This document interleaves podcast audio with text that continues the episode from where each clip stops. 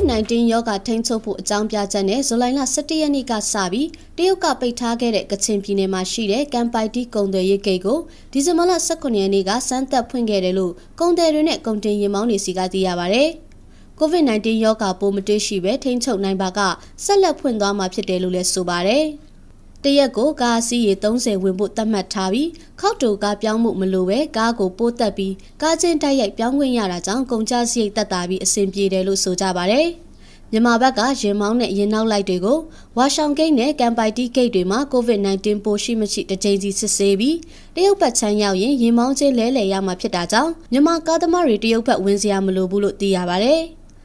မြန်မာပို့ကုန်လုပ်ငန်းရှင်တွေဟာကချင်ပြည်နယ်အစိုးရအဖွဲ့အစည်းမှခွင့်ပြုချက်အရင်တင်ပြီးမှသတ်မှတ်ထားတဲ့တင်ပို့ကုန်တွေကိုသာတင်ပို့ရမှာပဲဖြစ်ပါတယ်။စံသက်ကာလအဖြစ်ဖွင့်လှစ်ထားချိန်မှာမြန်မာဘက်မှတရုတ်နိုင်ငံသားလုပ်ငန်းရှင်တွေယင်းနှိမ့်မြုပ်နှံထားတဲ့တ िश ူးငပြောကိုအဓိကတင်ပို့မှာဖြစ်တယ်လို့လည်းဆိုပါတယ်။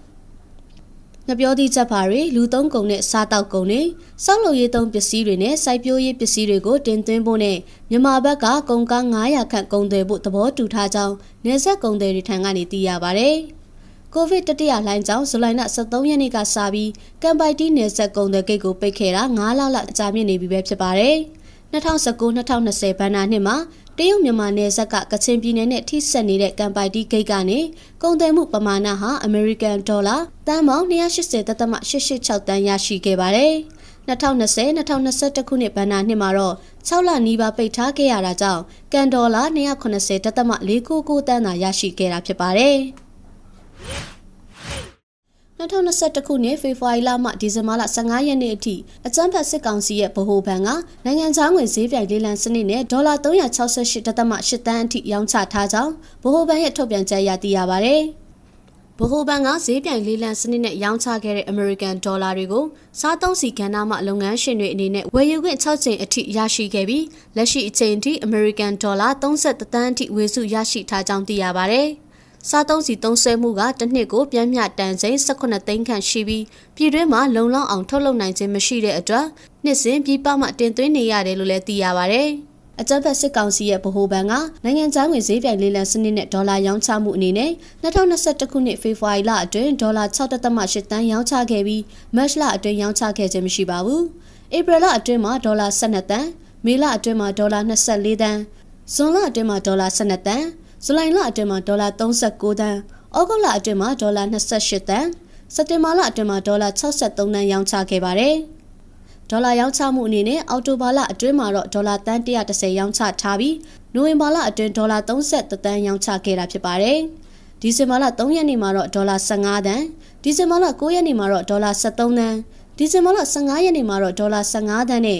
ဒေါ်လာ43တန်းထုတ်ရောင်းထားတာပဲဖြစ်ပါတယ်။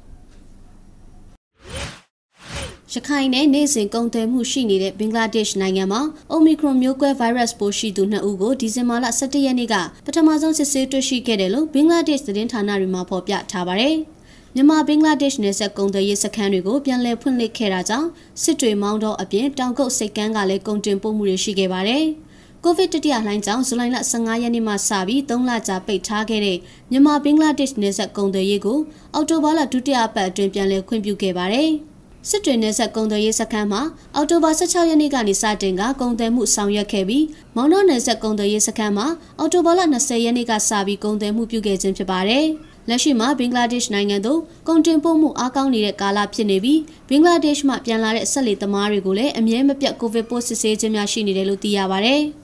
စစ်တွေနဲ့မောင်းတော့ကုံသွယ်ရေးစခန်းနှစ်ခုမှာကုံသွယ်မှုပြန်လည်စတင်ခဲ့တဲ့အောက်တိုဘာလ16ရက်နေ့မှနိုဝင်ဘာလ28ရက်နေ့အထိဘင်္ဂလားဒေ့ရှ်နိုင်ငံသို့နယ်စပ်ကုံသွယ်ရေးနည်းလမ်းနဲ့ American Dollar 52.18တန်ဖိုးတင်ပို့ခဲ့ပြီး26,628.29ဒေါ်လာဘို့တင်သွင်းခဲ့ကြောင်းသိရပါဗျ။ ရေထွက်ကုန်အမျိုးအစားထဲမှာမှရေချိုငါအများဆုံးတင်ပို့ခဲ့ပြီး45ရက်ခန့်အတွင်း American Dollar 3.2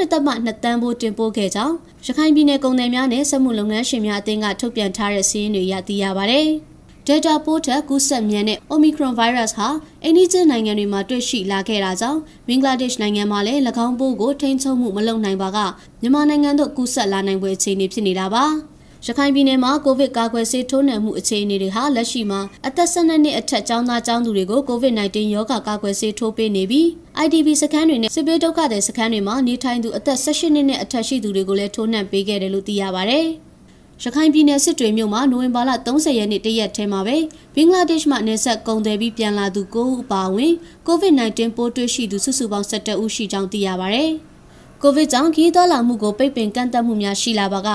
နှစ်နှစ်နီးပါးကြာကိုဗစ်ကြောင့်ထိခိုက်ခဲ့ရတဲ့နေဆက်ကုန်သွယ်ရေးစီးပွားရေးနလန်ထူနိုင်မှုကလည်းခက်ခဲလာနိုင်ပါတယ်။ဒီဇင်ဘာလ17ရက်နေ့အထိစည်ရင်းအရနိုင်ငံပေါင်း63နိုင်ငံမှာ Omicron ကိုတွေ့ရှိနေရပြီးမြန်မာနိုင်ငံမှာ COVID-19 Omicron ပိုးမတွေ့ရှိရသေးကြောင်း data အမျိုးအစားကိုသာတွေ့ရှိသေးကြောင်းစစ်ကောင်စီရဲ့ကျန်းမာရေးဝန်ကြီးဌာနကထုတ်ပြန်ချက်အရသိရပါဗျ။ COVID-19 မျိုးကွဲသစ် Omicron ဟာ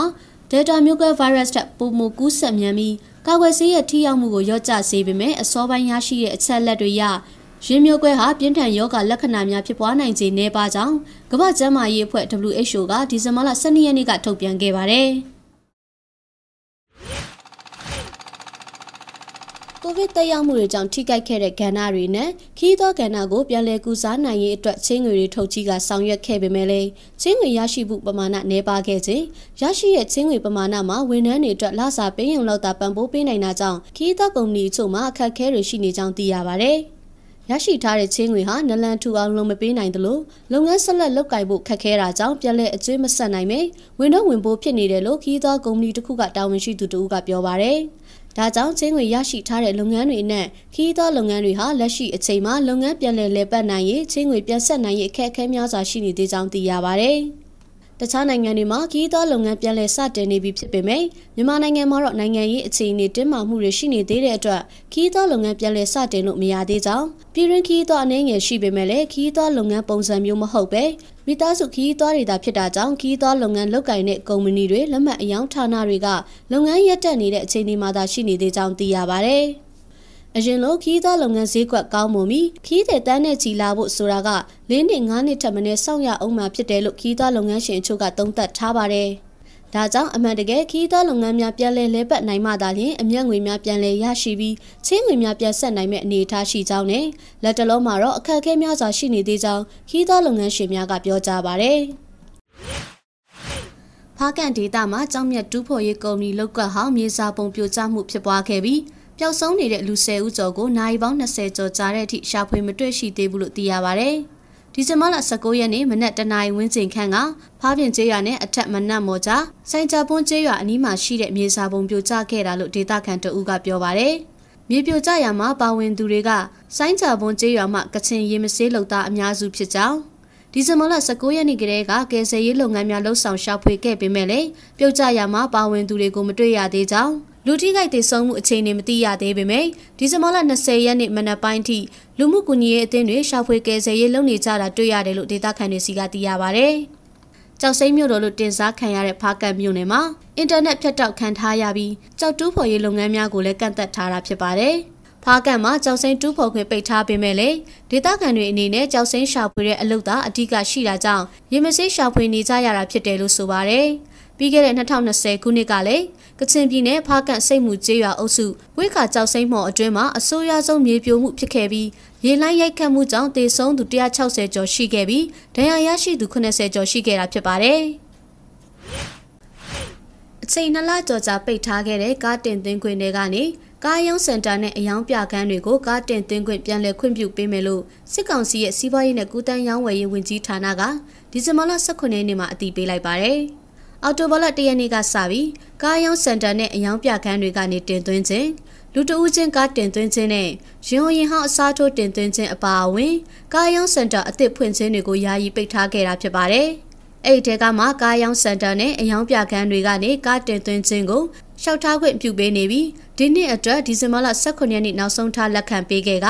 2022ခုနှစ်အတွက်တင်သွင်းခွင့်ရှောက်ထားခြင်းကိုတော့ဇန်နဝါရီလ3ရက်နေ့ကစပြီးဆောင်ရွက်ပေးမယ်လို့ထုတ်ပြန်ချက်မှာဖော်ပြထားပါတယ်။ဝန်ထမ်းပါမစ်အပါအဝင်ကားတင်သွင်းခွင့်အားလုံးကိုယာယီရဆိုင်ထားမယ်လို့ကြေညာပြီးနောက်မှာကားစည်းကွက်ကမြင့်တက်သွားခဲ့ပြီးဈေးကွက်ပြတ်တဲ့အခြေအနေမျိုးထိဖြစ်သွားခဲ့တဲ့အပြင် ရင်ဝင်ရင်ဟောင်းအစားထိုးတွေကိုပါပိတ်လိုက်တဲ့အတွက်အယောင်ပြကန်းဖွင့်မဲ့သူတွေအရေးကြိုအပ်မဲ့ရင်ဝင်ရင်ဟောင်းပိုင်ရှင်တွေပါအခက်အခဲဖြစ်ခဲ့ရတယ်လို့ကားဝယ်ရောင်းလုပ်သူတွေစီကနေသိရပါဗျ။လက်ရှိကားဈေးကွက်ရဲ့အခြေအနေကတော့350နဲ့200ကြားမှာရှိတဲ့ကားတွေသာအယောင်ဝယ်တက်နေပေမဲ့ဈေးကွက်ကတော့အေးနေကြောင်းစီးပွားရေးအခြေအနေအရကားအသုံးပြုဖို့လိုအပ်တဲ့သူတွေသာကားဝယ်ရှိနေတယ်လို့သိရပါဗျ။